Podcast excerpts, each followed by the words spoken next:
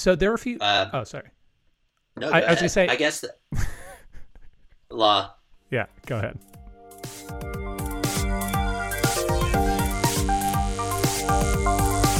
Well, I'm not a crook.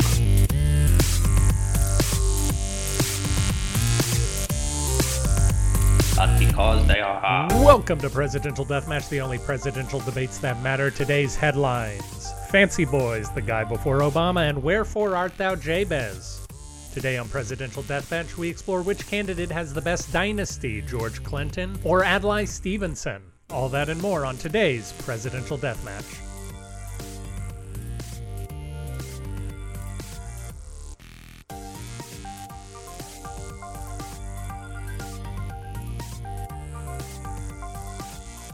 Yeah, you should. That's too bad because some of that would have made good, good fodder. Oh, sorry. Nah, it's cool.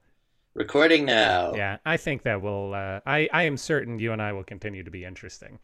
well, I don't know if I'd say I'm certain, but I I'm feeling good. Yeah, at the very least, I've already done the thumbnail for this week's episode, and it's pretty cool. I think I've been doing pretty good at the thumbnail. If if y'all listening aren't looking at the thumbnails uh, of of each episode, you're cheating yourself out of some real C level Photoshop work, maybe even D level Photoshop work. well, the big news there is that Figma's getting acquired by Adobe. I don't know if you heard about that. I did not know about that, and I don't know who the first company is.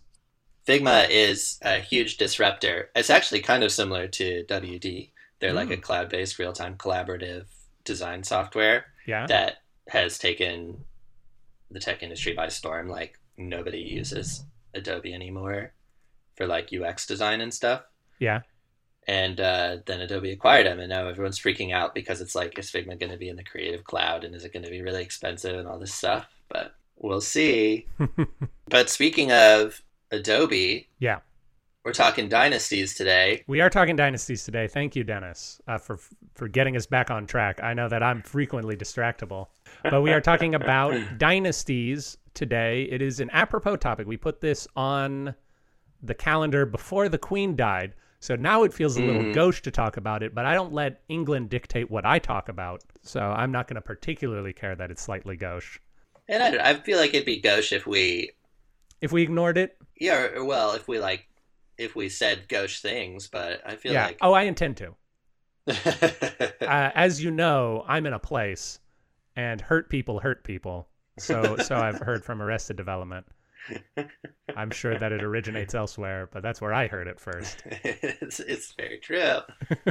um, that yesterday, Sun Radio, which is the radio station here in Austin that me and all the dads listen to, Yeah, um, they did a whole day dedicated to um, King, the Charles King. the Third. Yeah, it was it was called like the Charles Takeover or something, and it was they just played British music all day. But uh, they That's had fun. like this little ditty they recorded for it with someone doing a fake British accent, being like, "The Queen has died, and the King is now King Charles, and to celebrate him." And I thought it was kind of it, felt gauche. Yeah, that does feel in poor taste, but also it's a station for Dennis's and dads, and Yeah. so if if you're gonna get a little randy somewhere, Yeah, uh, that's the randy's the, place wrong word. I did- my brain did not supply the correct word because that's sexual in nature. Uh, but but take whatever the the amplitude of of the word randy and then suck out the sexual meaning of it, and that's what I meant to say. Oh jeez. Oh, we're off to a hot start today, Ah, Dennis. Dennis, before we talk about dynasties, do you know why we're talking about dynasties today? Do you know why I put it on the calendar? It was on there before the Queen, which means the answer is not the Queen. That is correct. Jeb Bush is out of the picture now. Yeah, that may or may not have happened six years ago, unless there was new Jeb Bush news that I that I missed. I think I think he I think he was recently in some articles in Texas Monthly because he was he fight again in the primaries this year. I think on a small level. I see. No, no, not Jeb. Um, George P. Yes, George yes. P. George P. We are going to talk about George P. Bush uh, P. today. Bush. P. Bush. You are mostly correct. Uh, what we have seen over the last three or four years, uh, twice in this year, is the killing of a lot of political dynasties, which I think is interesting. So Liz Yeah, Cheney, is. Liz Cheney losing her primary is why I put this on the list, but George P. Bush losing his primary for Attorney General a few weeks ago was also part of it, as well as Joe Kennedy III losing his primary uh, against Ed Markey for Massachusetts Yeah. senator, which happened two years ago in 2020. All of these are the the sort of last breaths, or at least currently the last breaths of a number of political dynasties within America, and they all lost, and they all lost within their primaries, which means that uh, they they lost within their primaries in easy states. Uh, Joe Kennedy Uh-huh. in Massachusetts, and Liz Cheney and George P. Bush in Wyoming and Texas, respectively, which means that it's the base of people rejecting the establishment Yeah. uh, all of which I think is interesting. So I wanted to talk today about the different political dynasties and what it means to be part of a political dynasty and whether we think it's a problem in America. But before we do that, Dennis, who are you talking about today? Well, speaking of George P's, I'll be talking about George, Clinton. C's rhymes Yeah. with P and it stands for Prescott Bush to bring Music Man back. this George Clinton has a middle name, actually. No, they usually don't. guess, yeah, back in those days. And when I say back in those days, it's because he was a founding father. Oh. He was born in 1739 and and lived in, until he was 72. 1812, cusp of Madison's Cusp of War. War. Yeah. He ran against John Adams, but of course, this was like that time when the vice president was the person who came in second, Right, and it was very much this like just group of fancy boys like talking about who they were gonna collect their votes on to try to organize who would be president, and vice president, and all the rest. Right. Um, so yeah, and everyone knew that George Washington would always win during the time that before he retired, and so it was always about like, who are we gonna put in second? Yeah, yeah. Who's who's the second dude? Yeah, JJ Adams. yeah. Um, but yeah, after John Adams was vice president the first time, and the, and everyone knew they were gonna reelect George Washington, he George Clinton wanted to replace him because John Adams had gotten sort of like slandered about some stuff about exactly what we're talking about today. Dynastic About- rule. Yeah, like descendancy and a monarch, like some stuff that felt like too close to the monarch to a monarchy type thing. Hmm. And also the political parties were forming, and George Washington and Hamilton, John Adams were all the Federalist side, Right. and and as anti-Federalists and state rights and everything was forming, George Clinton was very much on that Jefferson side of things. Yeah, So he's that- Democratic Republican. Right, and it was because he was so into um, New York. And why wouldn't you be? Yeah. It's a cool state. So he also wanted to bring that energy, but he did not succeed until later to be vice president. Oh, that's true because I believe he is the one of two vice presidents to be vice president under two presidents, Yes. Jefferson and Madison, if I'm not mistaken. Yep. Yep. Yep. Yep. Yep. Yep.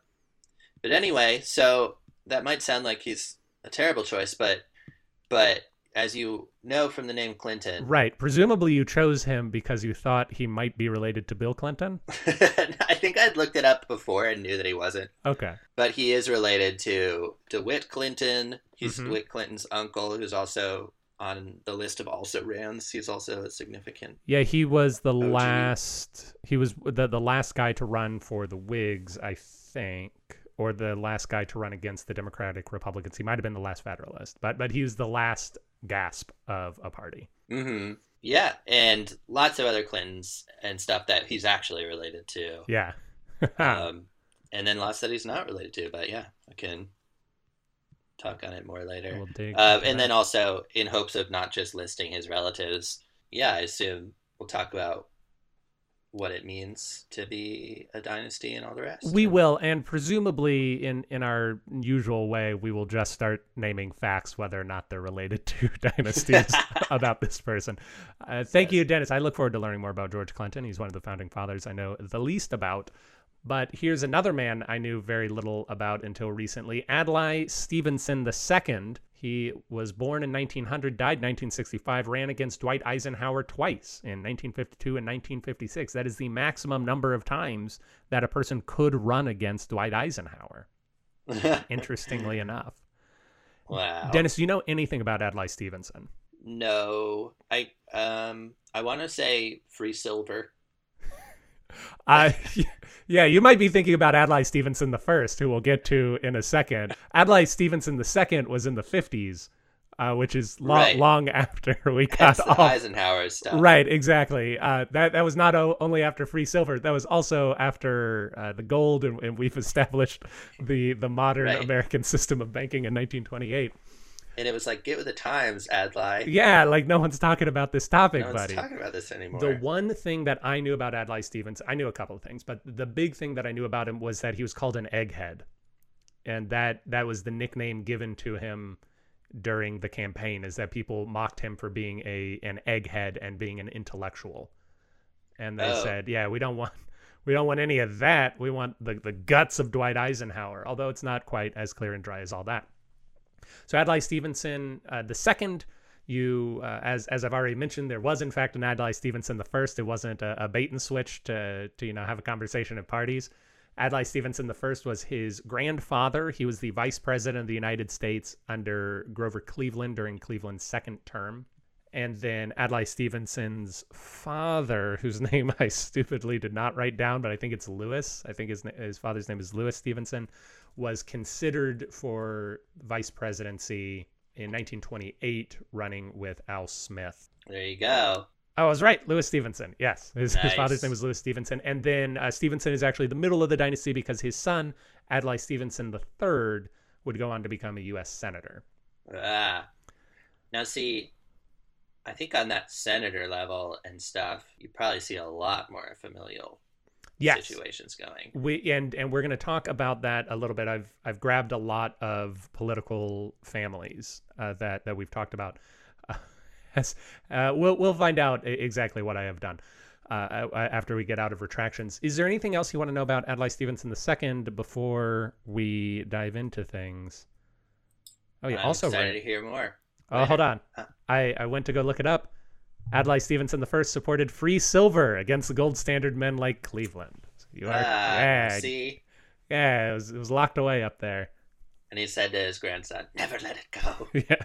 There's one thing you need to know silver helps farmers, Illinois helps farmers. You must help farmers, son. Dennis, we haven't had to open up the retraction box ourselves in a little while, like together. So I'm going to grab one hold of the retraction box. Okay. Ah! Yeah, it's a heavy one. Yeah, Heavy yeah. one We today. made a lot of mistakes last week.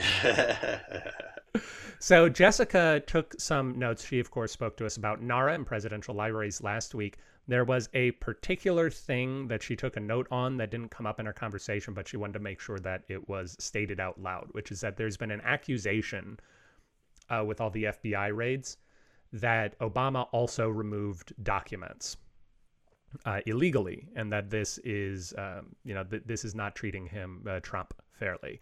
So Jessica's quote here: NARA moved approximately 30 million pages of unclass unclassified records. I do want to stress that word to a NARA facility in the Chicago area where they are maintained exclusively by NARA. The archivist said in a statement. Additionally, NARA maintains the classified Obama presidential records in a NARA facility in the Washington, D.C. area, uh, area. As required by the Presidential Records Act, former President Obama has no control over where and how NARA stores the presidential records of his administration. So I think the idea, the accusation has been, well, Trump's just storing things near his home in Florida and Mar-a-Lago. Obama's storing his things in Chicago, Illinois. So what's the problem? But in reality, NARA has chosen to store the things in Illinois, and the entire thing is what we call a lie. They they are lying about Obama removing documents, as far as we can tell, and and that is the long and the short of it. okay.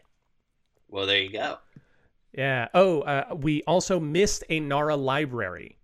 So I I rattled off Oh. the twelve presidents between FDR and uh, the guy before Obama, George W. Bush, and said those are the NARA libraries. Plus, we are gonna have Obama, and we might have Trump. That's still uh, up in the air.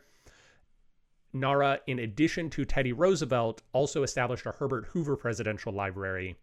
Uh, this was way, way back in the past, in the in the 50s, while Hoover was still alive. But Herbert Hoover does have an NARA Presidential Library, even though he is not post FDR. So, so his was retroactive, basically. Because cause he was he was just hanging out for all that time afterwards. Yeah, prior to Jimmy Carter, Herbert Hoover had the longest retirement of any president. So he, Yeah. he was kicking around, like he was around during Kennedy's assassination because he sent a very nice note to Lyndon Johnson that said something like, and Herbert Hoover hates Kennedy and hates Johnson, by the way, but he sent Johnson a note that said something like, We're all here for you in times of trouble. If you need me in any capacity from copy boy all the way up to anything. I'm I'm here to help. Please just give me something to do. Yeah.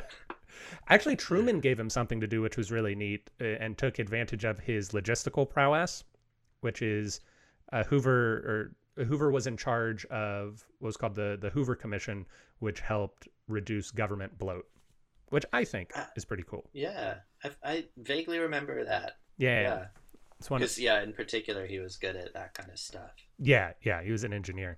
Dennis, we brought up congressional canings, so I wanted to look up the incident that we were talking about, and uh, you were right and I was wrong. Very exciting.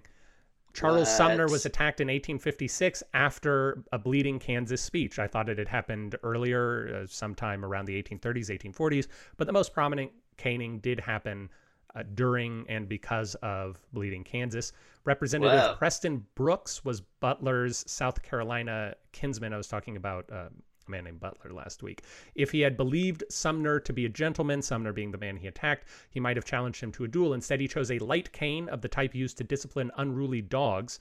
Shortly after the Senate had adjourned for the day, Brooks entered the old chamber where he found Sumner busily attaching his postal frank to copies of his crimes against Kansas speech. This comes from the U.S. Senate website, this text that I am reading. Moving quickly, Brooks slammed his metal topped cane onto the unsuspecting Sumner's head. As Brooks struck again and again, Sumner rose and lurched blindly about the chamber, futilely attempting to protect himself. After a very long minute, it ended. Bleeding profusely, Sumner was carried away. Brooks walked calmly out of the chamber without being detained by the stunned onlookers. Overnight, both men became heroes in their respective regions, which is a horrifying concept. Right. Yeah. Yeah. Yeah. It's just one of those things that you like. It was a bad time, and and that really kind of helps you to see it clearly. Yeah. Now, you may say it's a bad time. In 2018, Montana Senate candidate Greg Gianforte body slammed a reporter when the reporter asked him a question about his business dealings. And then Greg Gianforte was praised by uh, the conservatives for standing up to the press by attacking Uh-huh. them. Then later won that Senate seat, and then later won the governorship of Montana. Uh, and we have had uh, stories in the news recently about governors sending migrants on planes and things to harass people. What I'm saying is we haven't gotten too far. Yeah. Yeah. Yeah. Yeah. I would. Yeah. I certainly, and well, and also it's like a more intense time now than it had been at other times between. Right, that is true. But yeah, I would still think that like truly someone beating someone with a cane for a full minute would not earn them more votes. But I don't know. It would definitely earn them some votes. Yeah.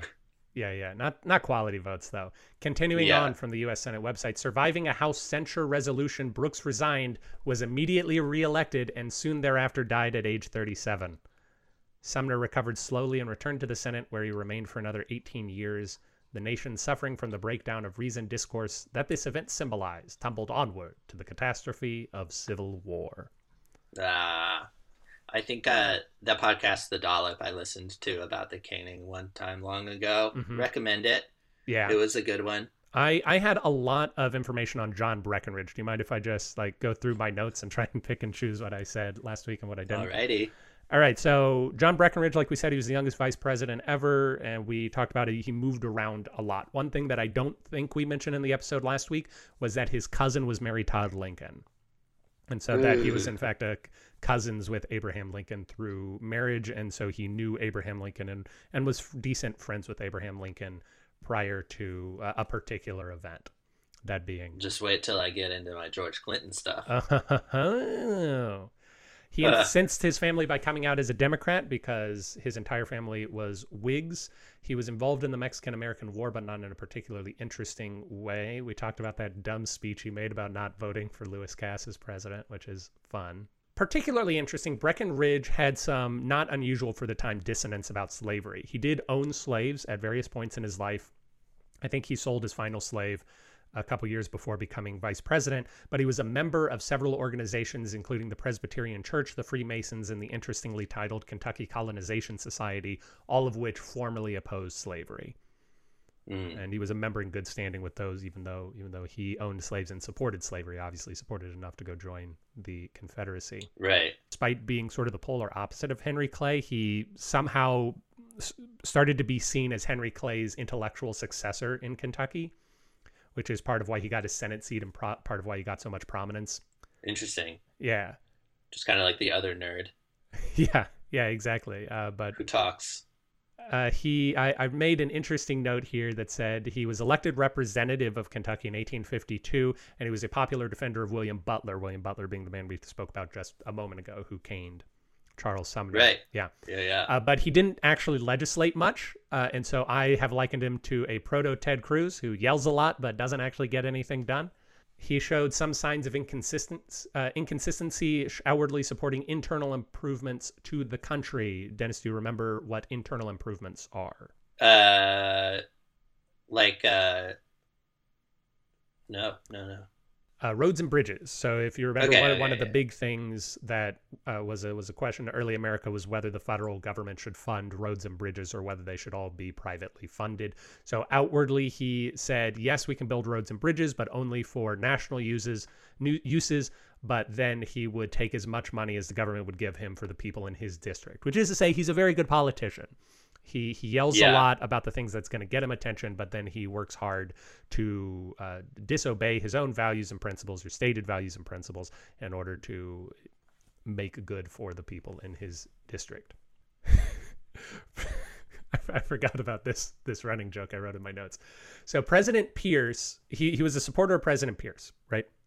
And Uh-huh. President Pierce offered Breckinridge governorship of Washington, and Breckinridge had uh, the Washington Territory, and Breckinridge had had wanted it. He he wrote to Pierce and said, "I would like this job. Here are my references. Please appoint me governor of Washington." And then Pierce said, "Okay, I'll make you governor of Washington." And Breckinridge said, "Nah, I, I don't want it anymore. I'm just going to stay in the House, presumably because he wanted to build his national profile." Okay. Uh, here's a side note. He had a son named John Milton who died at a young age. And then he later had another son that he named John Witherspoon. And he had several sons named John, all of whom were named after authors. I think that's strange. I don't know what life was like back then, but I think it's strange. But then they all had, they were all named after authors who were named John. Yeah, exactly. So Breckinridge refuses the governorship of Washington, and then the 1850 census comes out, and Breckinridge gets gerrymandered out of his district. Basically, uh, he he's able to hold on to a small Democratic stronghold in his district, but then he gets written out of it, and so he loses his his job in the House. And so Pierce offers him an ambassadorship to Spain, and then Breckinridge turns that down again. So he just uh, spits in the face of So anyway, it's like a grass is greener thing. It's like whenever then he's like, well, if I can get that, then I should then keep I should. pushing. Yeah, yeah, exactly. So then uh, some friends of Breckinridge did a lot of land speculation. So we're we're in the midst of westward migration, and there's a lot of land speculation going on. Friends of Breckinridge buy up some land in the Minnesota territory, but the governor of Minnesota, who's a man named Gorman, blocks an attempt to build a railroad along that land, which will of course make it very valuable. Breckinridge's friends uh, lobby Pierce to fire the governor of Minnesota and then offer the governorship of Minnesota to Breckinridge.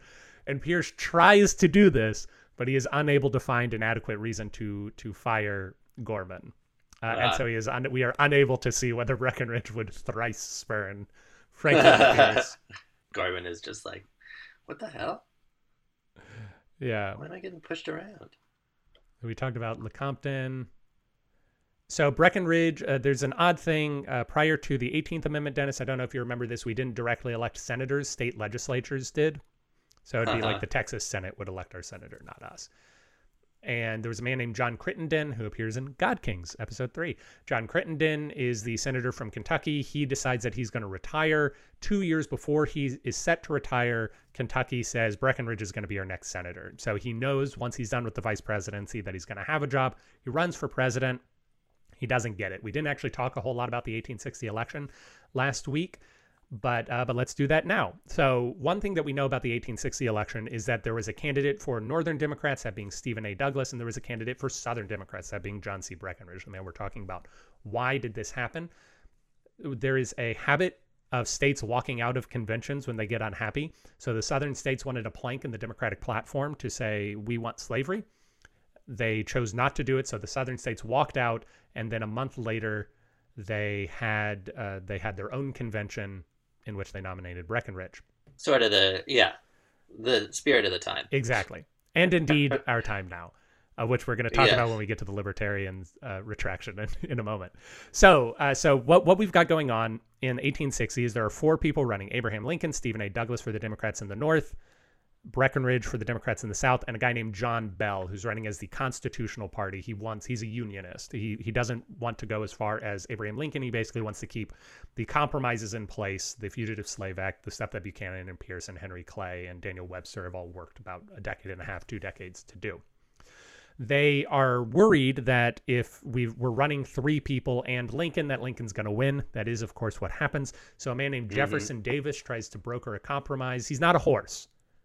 I know what you're thinking. Jefferson Davis is not a horse Yes, not the horse one. not the horse one. Jefferson Davis tries to broker a compromise among Breckinridge, Douglas, and John Bell to basically all drop out and there be a compromise candidate. Like the three of them choose a guy that they can agree on that isn't one of them to run for president against Abraham Lincoln. Breckinridge agrees to it, which is good for him. Like that that shows I think some political principle over the desire for power, but Douglas does not. This was the third time he had tried for the Democratic presidential nomination and he wasn't going to give it up for nobody.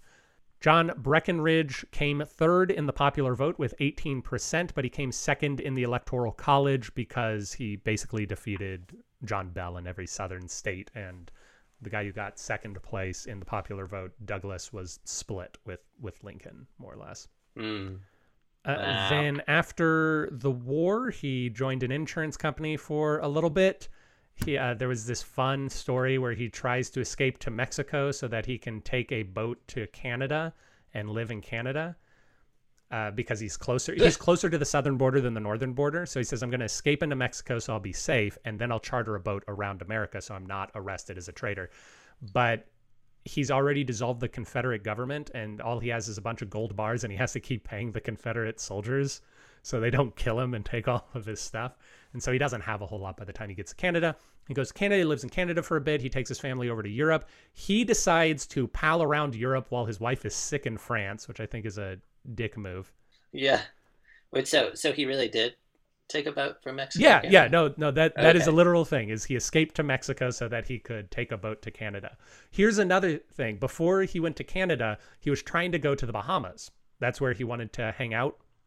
And so Well, sure. and so it was going to be him and his son Cabell and a, a friend of theirs named John Taylor Wood. But Cabell, his son, was allergic to mosquito bites. And so Breckinridge said, We're still going to go. You should stay here in America and surrender to the next closest federal officer while we go to the Bahamas before we go to Canada. Yeah. Were there not mosquitoes in America yet? Maybe not the same type. That is fascinating. Yeah, but uh, but that's uh, a jerk move in a life full of jerk moves. Seriously. And you said that son of his was named Henry Cabot Lodge. Henry Cabot Lodge, who will we also be talking about later on today. Are you also talking about Henry Cabot Lodge today? no, I didn't have plans to. I was trying to think of an author, and I couldn't Yeah. remember who Henry Cabot Lodge was. Uh, he's a politician. He's an American politician. yes, So, senator. Dennis, a few weeks ago, we talked about the Libertarian Party, and we talked about the Mises Caucus takeover from the Libertarian Party. What do you remember about we that? We did. That uh, it's now kind of got a lot of extremist qualities going on, at like um, on things where they tried to previously be very libertarian, hmm and they took out statute about racism. Yeah, and abortion, and a number of other things, as well as being very aggressive and generally courting the Tea Party esque folks of the Republican Party. Yeah. Well, the Libertarian Party is starting to strike back against itself. Both the Oh, wow. Virginia and New Mexico Libertarian parties have moved to disassociate themselves with the National Libertarian Party and say, we are no longer part of the National Libertarian Party. We are our own party. Writing the liber uh, the New Mexican Libertarian Party or the Virginia, Ah, they, they're keeping the name. nothing exciting. We're keeping the name. so, one thing that has been written by New Mexican State Chairman Chris Luchini you've conspired with a faction inimical to the principles of libertarianism to impose upon us officers and governing documents foreign to our rules, unchosen by our members, and unacknowledged by the laws of our state. You have adopted messaging and communications hostile to the principles for which the Libertarian Party was founded, serving no purpose other than to antagonize and embarrass. There is a lot more to this. There's a lot of procedure. There's a lot of they are directing these parties to do things which are against the rules in their own states, things like that. But the the upshot is that we are starting to see a small fighting back against the Mises Caucus, and most importantly, the Libertarian Party has enjoyed 50 state representation on the ballot over the past couple of cycles. They're the only third party to have done so. Right. But the way that our election system works, the ballot access goes with state parties, not national parties, which means that now that New Mexico and Virginia have pulled out, it is the state parties of New Mexico and Virginia that maintain ballot access and they can run whoever they want. But the National Libertarian Party will have to go back and collect signatures and, and do all sorts of things. Right. Which is a shame for them. Yeah, say like snottily. it, yeah, like it it makes an impact in sort of like dissolving the Yeah. national impact of the party, exactly. an outsized impact. Is that guy who you liked more gonna be part involved with those two parties? That remains to be seen. I think you're talking about Justin Amash. Hmm. Justin Amash is a resident of Michigan, not New Mexico or Right. Virginia. I'm sure that he is intellectually supporting the actions of the New Mexicans and the Virginians. But we will actually see what happens as as time moves forward. Is it would it be possible for him to be farther away from both of those two states at the same time? I suppose Hawaii. oh, true. Yeah. Alaska Yeah. too, but yeah. Yeah. But but you're I right. think uh, Washington State is uh, debatable. I don't know if it's a- as far from New Mexico as Michigan is. Hold on. I I will start researching while you tell us about Russia. Okay, yeah, this is just a, a pretty much just a retraction. I, I, uh, I when I listened back, I felt like I spoke very, like, kind of very play, very straightforwardly about Jill Stein in Russia, and I was like, yeah, she's super pro Russia. So eh, I feel like it was kind of everything that's wrong with the way people talk about stuff, and and like. And so I, I was like, man, I should go look into that and make sure I'm not just like slandering Jill Stein for no reason. And I was slandering Jill Stein for no reason. Oh no. I, it, I think I went back, found this Vox interview is where I think a lot of that's from. And it was 2016. And she basically, her, her overarching motivation is just to be super anti war. Yeah. So they were like, they were talking about how Trump said that he didn't care what NATO, what they promised with NATO if Russia invol- in, invaded Ukraine. He didn't know about what America would do, Mhm. and she, they were like, "What about you? What do you think?" And she was like, "We need to stop talking about bad guys and good guys and stuff," which like I appreciate. I think it hits different now than it would have in 2016 Right. but like she's just trying to be a pacifist and also just always trying to say something interesting about the way that we do foreign policy and everything. It's funny because the interview like kind in my opinion flip-flops quite a bit between like way over the top idealism and and like other times being extremely pragmatic. Like it was t- talking about like the Syria conflict and they were like, "Well, what would you do in that situation?" And she was like, "Well, I would just like cut off all of the finances and guns." And it's like, "Well, yeah, if people if we could do that, I I, I think we would." I don't know. That it just felt really The- dumb to me to if problems were easy to solve, we would have solved them. It's it's not as Yeah. though there is a lot of appetite for continuing problems to go on. Yeah, yeah. This, Um, this is not simple. I definitely agree with her that war is like a huge bummer. Yeah, for sure. So, yeah. And then then on the this that other sounded piece rude. they I apologize. I, I was trying to be a character, and I don't know that I completely distinguished myself from from myself there. no, I thought I thought I would. Okay, thank you. And then yeah, like there's this other part in the interview where they're asking about like guns in the U.S. and she's like, well, if we were to just like get rid of guns, then it would lead to a bunch of gun violence. Like people would get mad, and then every there'd be a lot of sh- like people shooting people.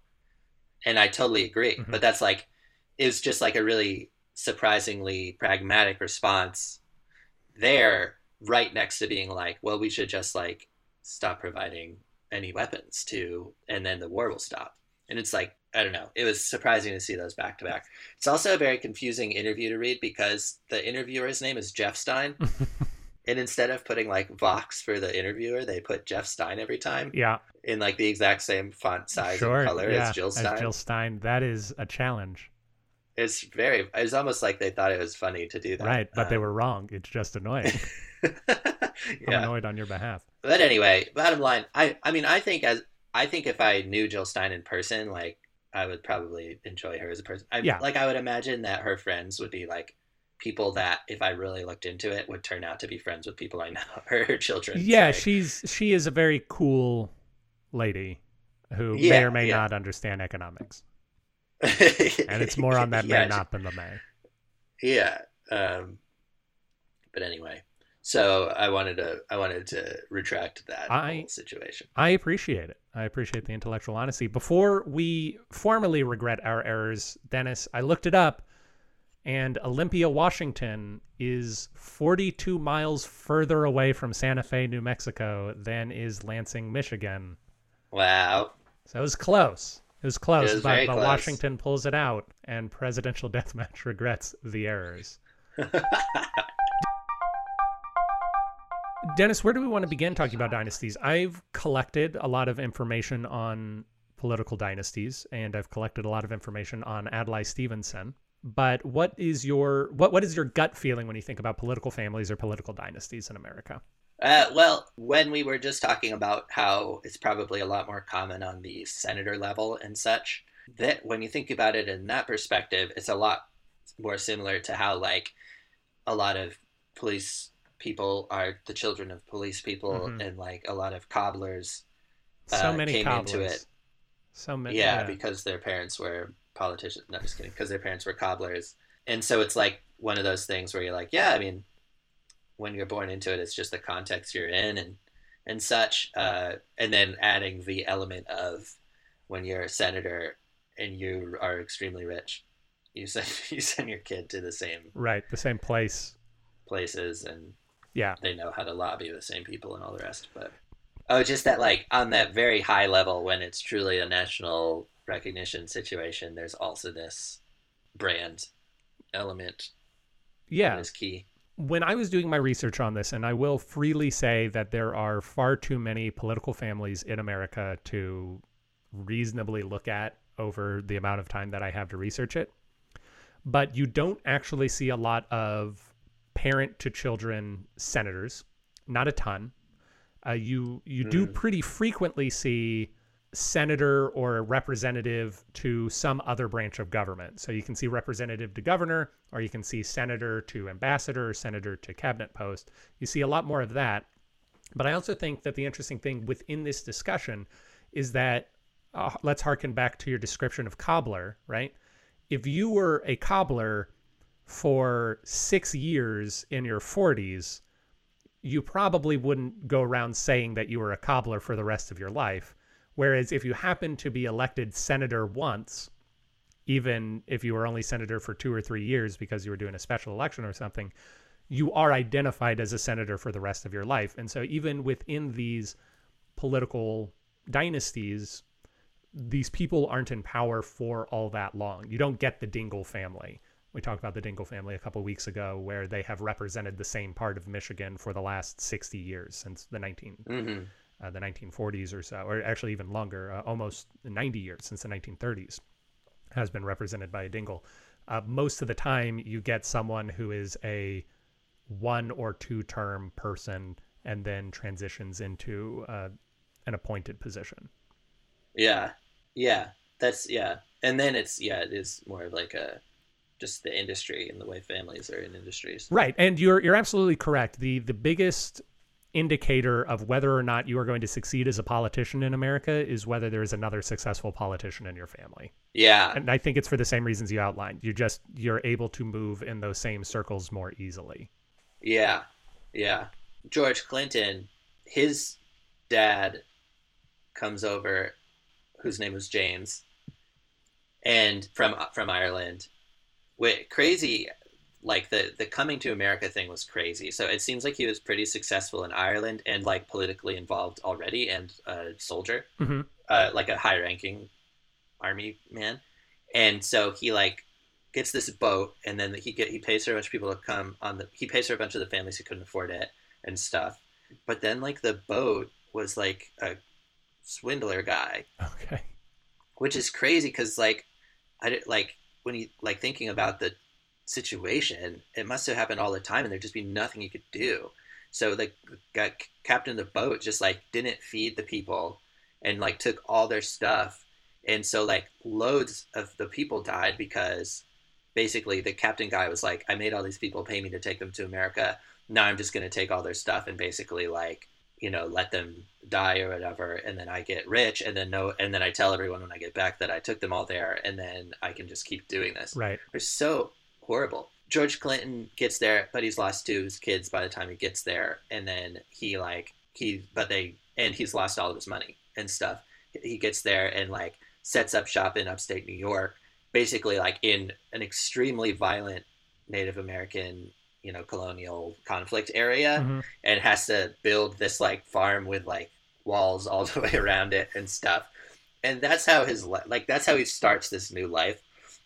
So it's like from there you're like this guy when then he becomes a politician and he becomes very involved in like or in pre in like colonial new york he becomes very involved as a as like a colonel and stuff so you, just thinking about it from that point of view it's like this dude just like is so you have to be so intense at that point Yeah. and like yeah and and so when he when the french and french and indian war happened he was um, very involved and also pulled his kids into it and was like you know all hands on deck and everything. And so that's how george clinton first got involved. He was the youngest kid and was doing a bunch of stuff french and indian war when he was 19 and then Hmm. and it, it just also felt very much like this time of when you're a soldier which still is kind of but like when you do all the violence and everything for the country you and you're uh, educated you're kind of like the political sort of like Right. you're well fit for that you know Yeah. and everything yeah Yeah. There's a reason anyway, that one leads into the other so frequently. Yeah, yeah, and it just felt very much like even in Ireland, like the the Clinton clan was very much this, like they were the polit- politicians, they were the soldiers and stuff, and they just brought that same exact attitude to America and like fought tooth and nail to get themselves set up. And so then at that point, you're like, well, of course the whole family is doing this because they're just like, you know, in a circle with their swords, Yeah, swords they can't pointed sleep. outwards, like. What Yeah, else are they yeah. going to do? That's sort of the the opposite of Adlai Stevenson, actually. So he does come from a political family. His grandfather, like we said, was vice president. Uh, his his father was treasurer of Illinois, in addition to some other posts. But this was in a time of very much machine run politics. Mhm. So the the Clintons have built this machine, and the Stevensons are benefiting from it, perhaps.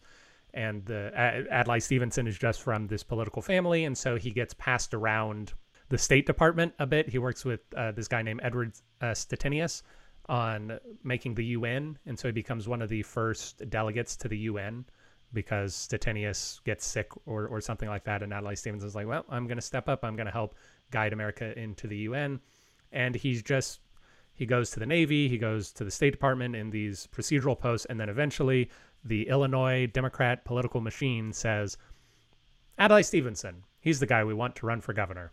And they say, Adlai Stevenson, you're running for governor. And he says, All right, put me in, coach. And uh, and he runs and he uh, he wins with the largest margin in history, which is a little suspicious in Illinois, a state famous for uh, lying about voter rolls. Uh, so there's uh, th- there's a decent chance there was some uh, vote manipulation going on. But but basically Stevenson it, uh, gets to be a politician because he benefits from uh, his family, and he his exist the existing Stevenson brand. the, the existing Stevenson brand coupled with the Democrat political machine. Uh, he does not seem like a guy who internally says, "Yes, let's do this." Uh, they they come to him and say, "We think you should run," and that's how he gets involved in 1952. Also, Harry Truman, who's the president, of course, and a big political machine guy, comes to him and says, "We think you should run for president because I'm not going to." He says, "No, I don't think so. I really want to run for second term as governor." And the guy who starts winning all the primaries in the 1952 election is a man named Estes Kefauver. And he, Dennis, this guy is just not a team player. He cares too much about rooting out corruption in Democrat political machines. Oh man, that's not going to get you anywhere. No, and he cares about civil rights, which is a, a Oh, real bummer in the South. So Harry Truman says we we can't let Estes Kefauver win, so we need we need to put in Stevenson, a, a, a much more moderate guy, and they the machine kind of pressures him to run in 1952. That's funny. So he's, yeah, it's kind of kind of like the postmodern dynasties. Yeah, yeah, Now- exactly. It's the I oh I guess this is what I do, the family business. yeah. to hear those words uttered by a stronger, a wiser, a better man than myself.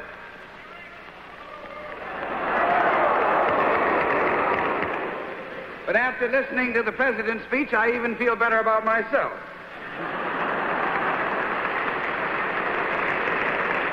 Nor am I afraid that the precious two party system is in danger.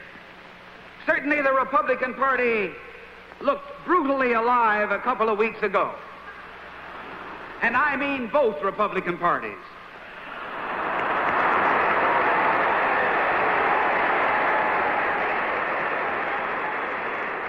Well, let me talk to you about some political families in in America.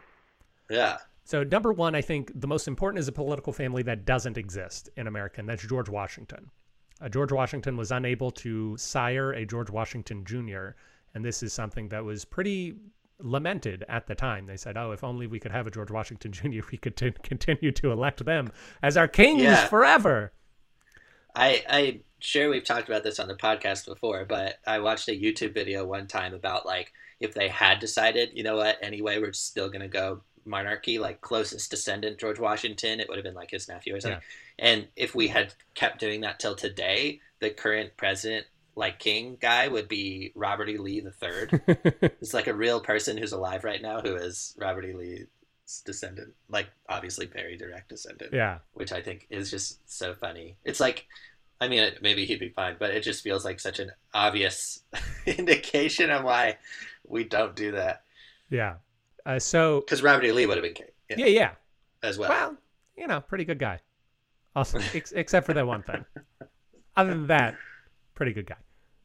Uh, So we're going to talk about the Huntingtons, Dennis. The Huntingtons are a founding family like the Clintons are, and they spread across the nation like Tylers. The the main guy Oh. is uh, a man named Samuel Huntington who signed the Declaration of Independence, and he has the distinction of being the presiding officer when the Articles of Confederation were ratified.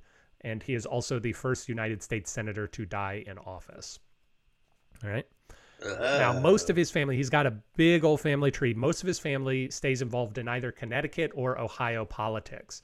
But the only other member of his family who becomes senator is Jabez Williams Huntington, who also becomes senator from Connecticut and also dies in office. I have a cousin named Jabez. Oh, do you? Yeah, Why?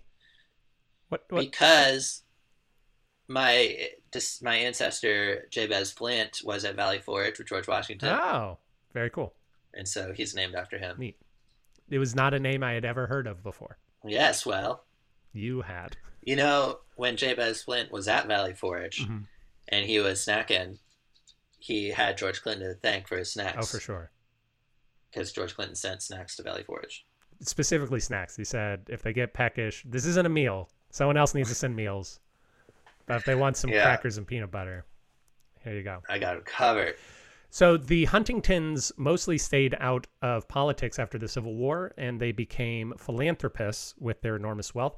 But another main branch of the family, so most of the family stays in Connecticut and Ohio, but a woman named Zina Diantha Huntington Jacob Smith Young is a pioneer woman. And do you want to guess, based on her last name, who she may have fallen in with? The last name Young. Jacobs Smith Young. So she has three last names after Huntington Oh whoa. all of them from marriage. Smith and Young. Do the names last names Smith and Young sound familiar at all in conjunction with each other? I, uh, no, I have no idea. Mormons. She was the wife of Joseph Smith, and upon the death of Joseph Smith, she married Brigham Young. And so there's also a Ah. branch of Huntingtons down in Utah who are very active in the Mormon church. And also, Why did she wait for him to die? because she was married to Yeah, two yeah. guys at once, but that was apparently enough. She was married to a guy named William Jacobs and Joseph Smith, and then when Smith died, she picked up a second husband in Brigham Young. I again. see. So she wanted to stay at two. So Three's William Jacobs was like, finally, and then it was like, wait, Ah, no, what? ah, the Ah! other leader. Uh, the Huntingtons are also known for George Huntington, who studied and then named Huntington's disease, if you've ever heard of Huntington's disease. yeah, fascinating. Dennis, do you know about the Daley family?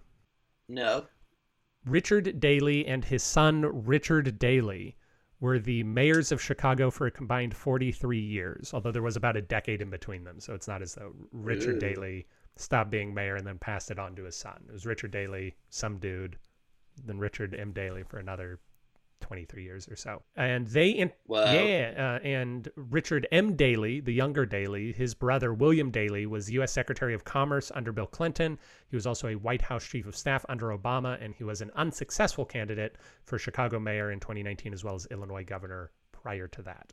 But the Daley family interacts with Adlai Stevenson in an interesting way. So Adlai Stevenson, 1952, he gets the Democratic nomination for president. He runs, he loses.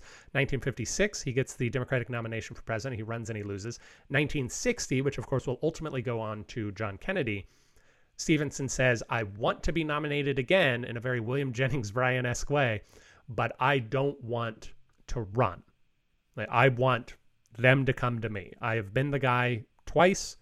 I have pulled you up out of the gutter uh, for some reasons we can get into. Uh, I think that you should do the respectful thing and nominate me. So he doesn't formally run. Kennedy wins all of these primaries. And then at the convention, Stevenson goes to Richard Daley, the mayor of Chicago, and the guy who is uh, counting up Illinois. He's controlling Illinois' votes in the convention. And he says, Hey, y'all are going to vote for me, right? And he says, No, you don't have any support. And then he says, Oh, sure. Like, I don't have any support because I wasn't running. But once you tell the boys I'm running, then I'll get support. And he says, No, you don't have any support, Adlai. And then he gets real disappointed.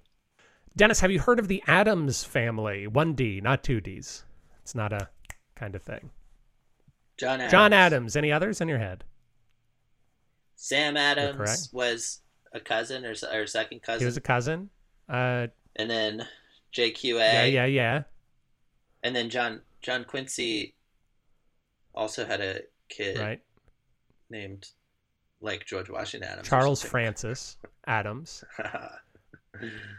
Charles Francis. Are they still around? No, but when was the last member of the Adams family in political power? I'll tell you that the last member of the Adams family was a judge. So it was an appointed position, not an elected position. He was just a, a disembodied hand holding a gavel. Yeah. Yeah. Uh, was that very recently, like the 80s or something? Well, yeah, that's what I'm asking. What? Uh, so you're saying the 80s? Yeah, that's my guess. You are largely correct. He was appointed in the 70s and he concluded service in 1994. Ah, So, so the 80s was the the big chunk of time. Eugene the only Nickerson. entirely correct answer. Yeah. Uh, that was a man Wow. named Eugene Nickerson. The Adams family is also related to Henry Cabot Lodge.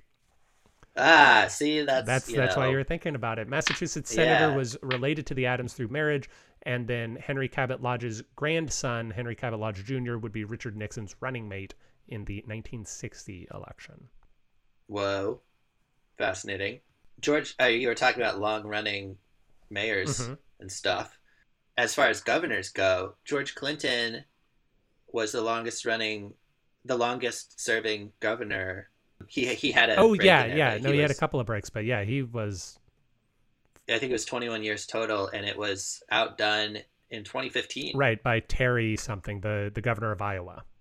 Yeah, yeah. But until then, it was George Clinton, and then DeWitt Clinton was so DeWitt Clinton was James Clinton's, so his James junior Mhm. like his uh, son, and James was the oldest son, and George Clinton was the youngest. So I think there wasn't actually that much like between them, and then he was like, you know, getting old and still working and everything.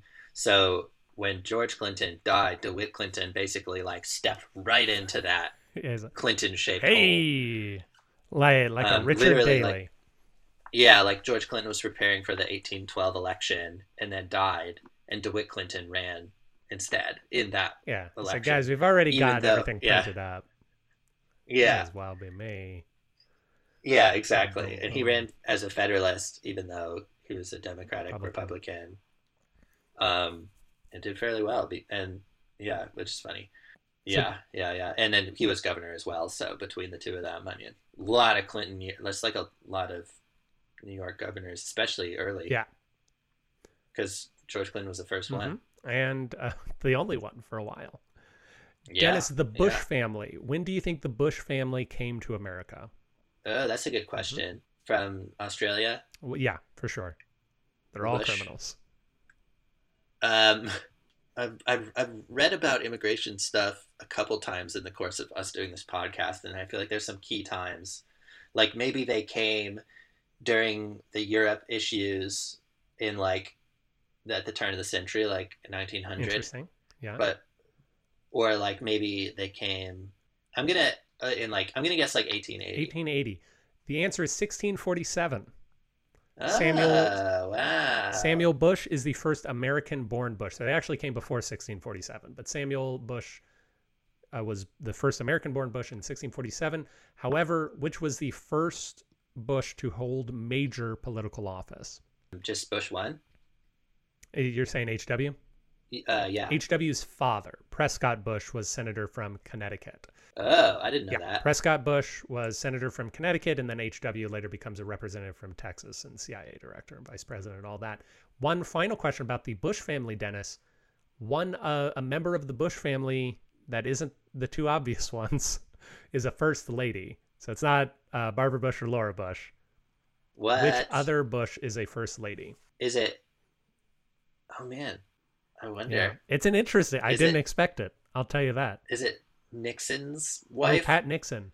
No, although that's interesting because George W. Bush tells a story about how he got set up with Pat Nixon uh, when they were teenagers and had to drive to the White House. Not Pat Nixon, but uh, Tricia. I think Tricia Nixon, one of the Nixon daughters.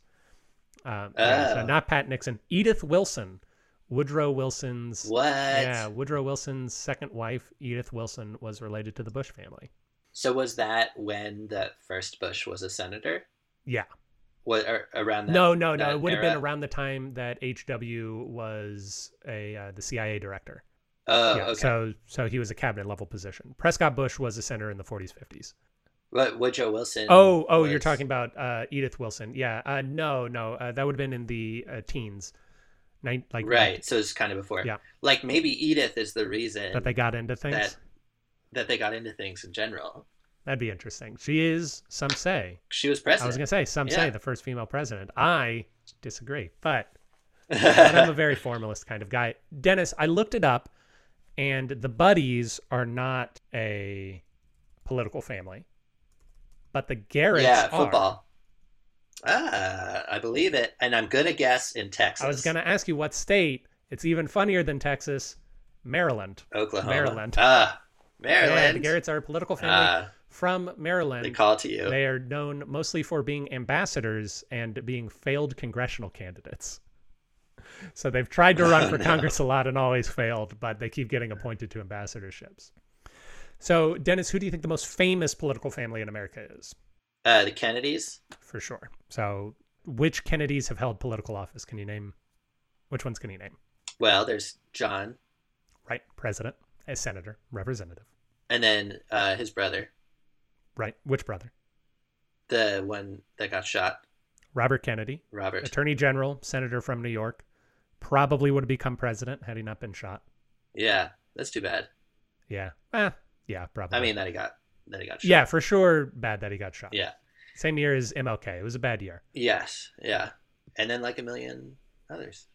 Right. So you've got Ted Kennedy, who is arguably the most successful Kennedy, also younger brother to John and Mm. Robert. He was senator of Massachusetts from 1963 to 2009. Ah, He was yes. a right. very long time senator, as well as probable murderer in Chappaquiddick.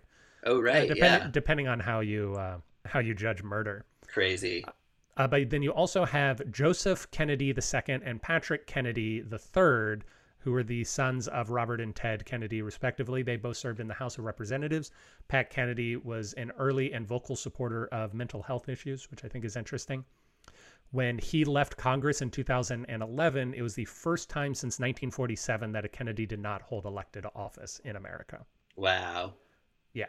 And then Joe Kennedy the third, Joe Kennedy the second son, was also a member of the House of Representatives for four years, ran against Ed Markey for senator from Massachusetts, lost, and is now an ambassador to somewhere. He's been appointed to something. Lucky him. So here's a fun fact about the Kennedys. Mm-hmm. George Clinton's great grandparents over in Ireland, Mm-hmm. their names Bill Clinton and Liz What? Kennedy. What? what? So many families powering this one man to be governor of New York forever. And then Bill Clinton's great grandfather. So this is George Clinton's great grandfather's great grandfather. Mm-hmm. Second Earl of Lincoln. Whoa. Oh my gosh. Man, how, how did this guy not become president? I know. He set it all up. The Kennedys uh, interact with Adlai Stevenson in an interesting way. So, uh, JFK, before the 1960 election, tried to become Adlai Stevenson's running mate in 1956, but was blocked by Eleanor Roosevelt, herself a member of a prominent political family. And then in 1960, while Stevenson was holding out hope that he would get nominated, JFK came to him and said, If you endorse me, I will make you Secretary of State. Stevenson said no, and then JFK got real pissy about it. Uh, but then eventually he said, All right, you're not going to get to be Secretary of State now that I'm president, but I will make you UN ambassador. And I think he actually said you can either be UN ambassador or Attorney General or something else. And he said, I want to be UN ambassador because he helped it. Yeah. But the, the Kennedys did not like Adlai Stevenson. They said that he was not tough enough. Actually, hold on, I want to find uh, the quote. So the Kennedys, um, Joe Kennedy wants his family to be president. Uh, I don't know if you know the story. You probably do, Dennis. But Joe Kennedy had a son, and he wanted that son to be president. I Yeah. forget that son's name. Then that son died, Right. and he said, "I guess we're moving on to John then." And John ended up saving someone during the war. And Yeah. so became like a really good. So, so the Kennedys are focused on uh, on becoming a strong political family, and they help out each other. So, in 1956, after John Kennedy does not become vice presidential nominee, Robert Kennedy decides to work in the Adlai Stevenson campaign so he can see how a campaign is run. And Robert Kennedy is going to successfully run the 1960 JFK campaign.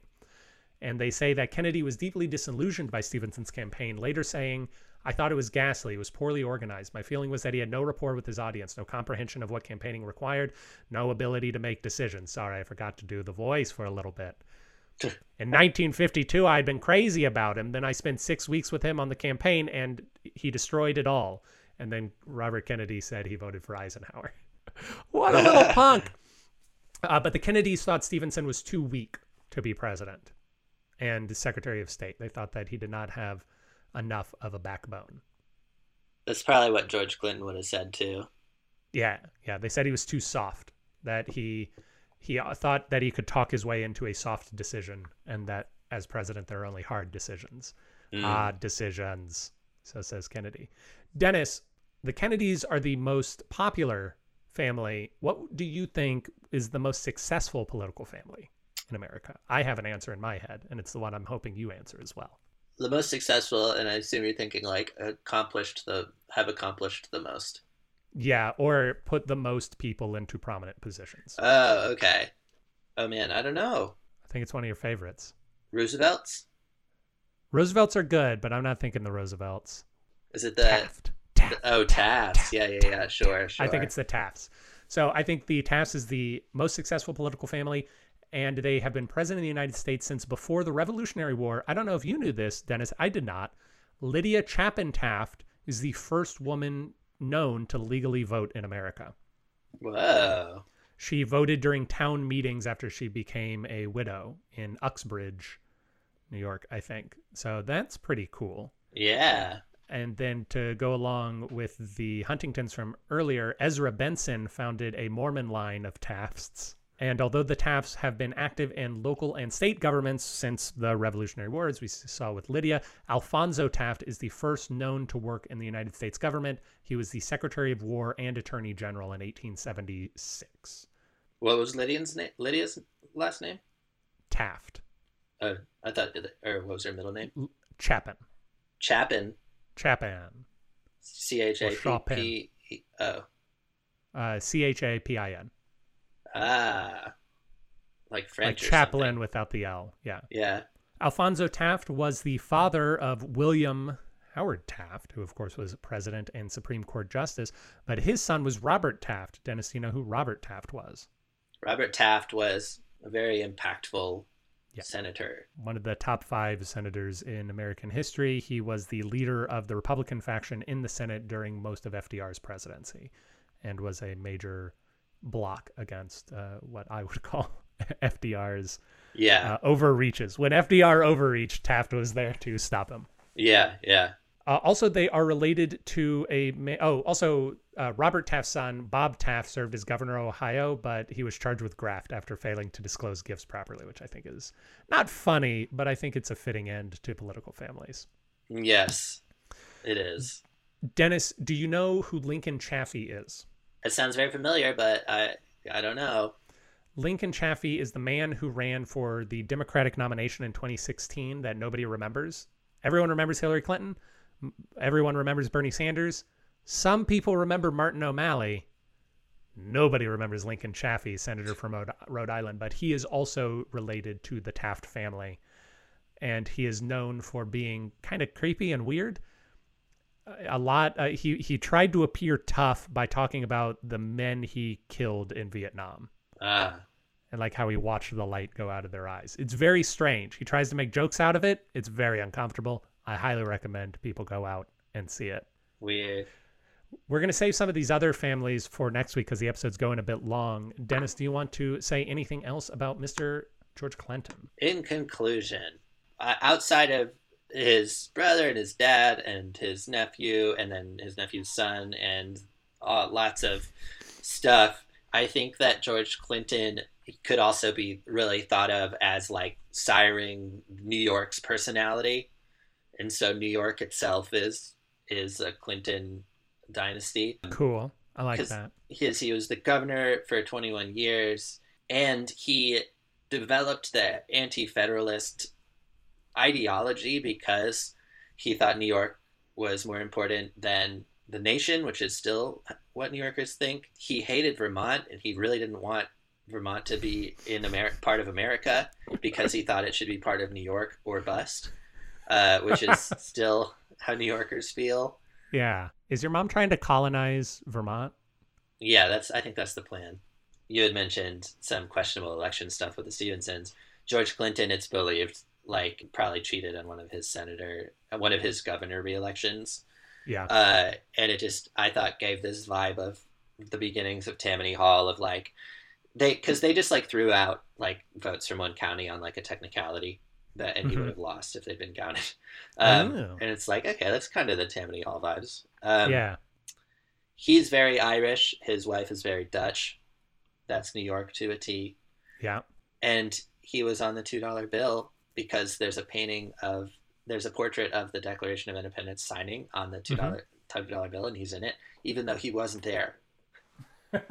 Uh, interestingly enough, Samuel Huntington, who we spoke about earlier, also.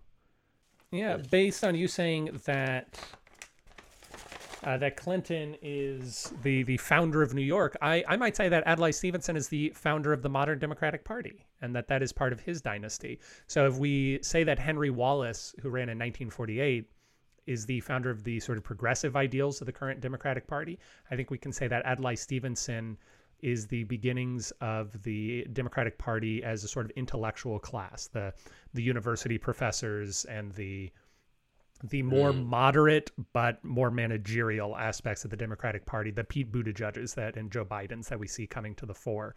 He, uh, while he was still uh, friendly to to labor, he was, like I said, seen as an egghead. He was seen as potentially out of touch, but he was also seen as a thoughtful guy that really cared about the people and was a bit of a spendthrift who who thought deeply and and tried to be convincing. And he in 1952 and 1956, like Kennedy said, he he really uh, brought he inspired. That's the word I'm looking for. He inspired people to what government can do for them. Yeah, He he sort of paved a post New Deal path for for the Democrats, uh, and he was also very funny.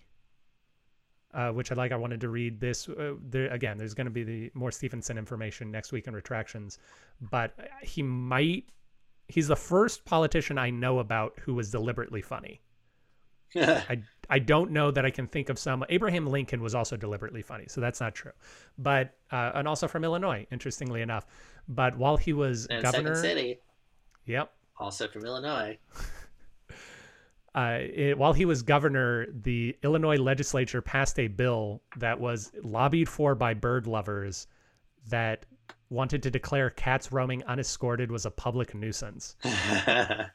and Stevenson vetoed the bill and sent the public a message regarding the veto. It is in the nature of cats to do a certain amount of unescorted roaming. The problem of cat versus bird is old as time. If we attempt to solve it by legislation, who knows? But we may be called upon to take sides as well in the age old problem of dog versus cat, bird versus bird, or even bird versus worm.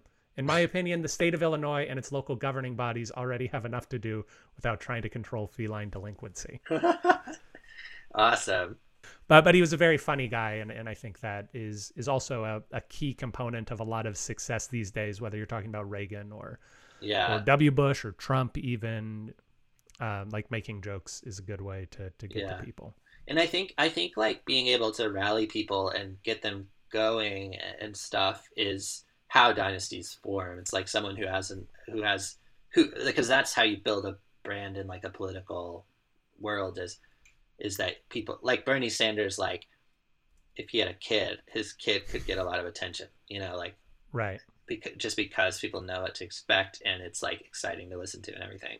And George Clinton was that way with hating loyalists, like hating Tories and stuff. And I think really he developed a following in a lot of ways just because of like, well, also being like a brigadier general and stuff. But like, yeah, I think it's a lot of that sort of like just revolutionary talk and getting people hype or get making people laugh. Yeah. So important. Yeah. Well, alrighty. Yeah, very cool, Dennis. Uh, this is the first time I felt in a while that we have left a lot on the on the floor. But I, I look forward to exploring it more in retractions next week. Next week we are going to be discussing dodged bullet presidencies. Who are we very excited did not earn the nomination? Yes, indeed. Which uh, I, I've been wanting to talk about this dude for a little while, so I'm I'm looking forward to it. Until then, Dennis, live life. You too.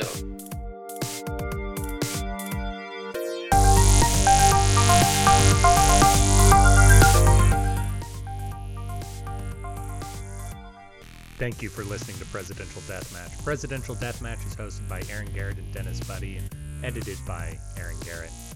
If you like the show, please consider giving us a review wherever it is. You can do that, we'd really appreciate it. If you didn't like listening to the show, well, why don't you come on back and give us another try? We really grow on you. If you want to reach out to us, you can do that at contact at pronoiatheater.com. You can also support the show in a variety of ways, including at pronoiatheater.com slash store. We hope you enjoyed it, and we hope to hear from you soon.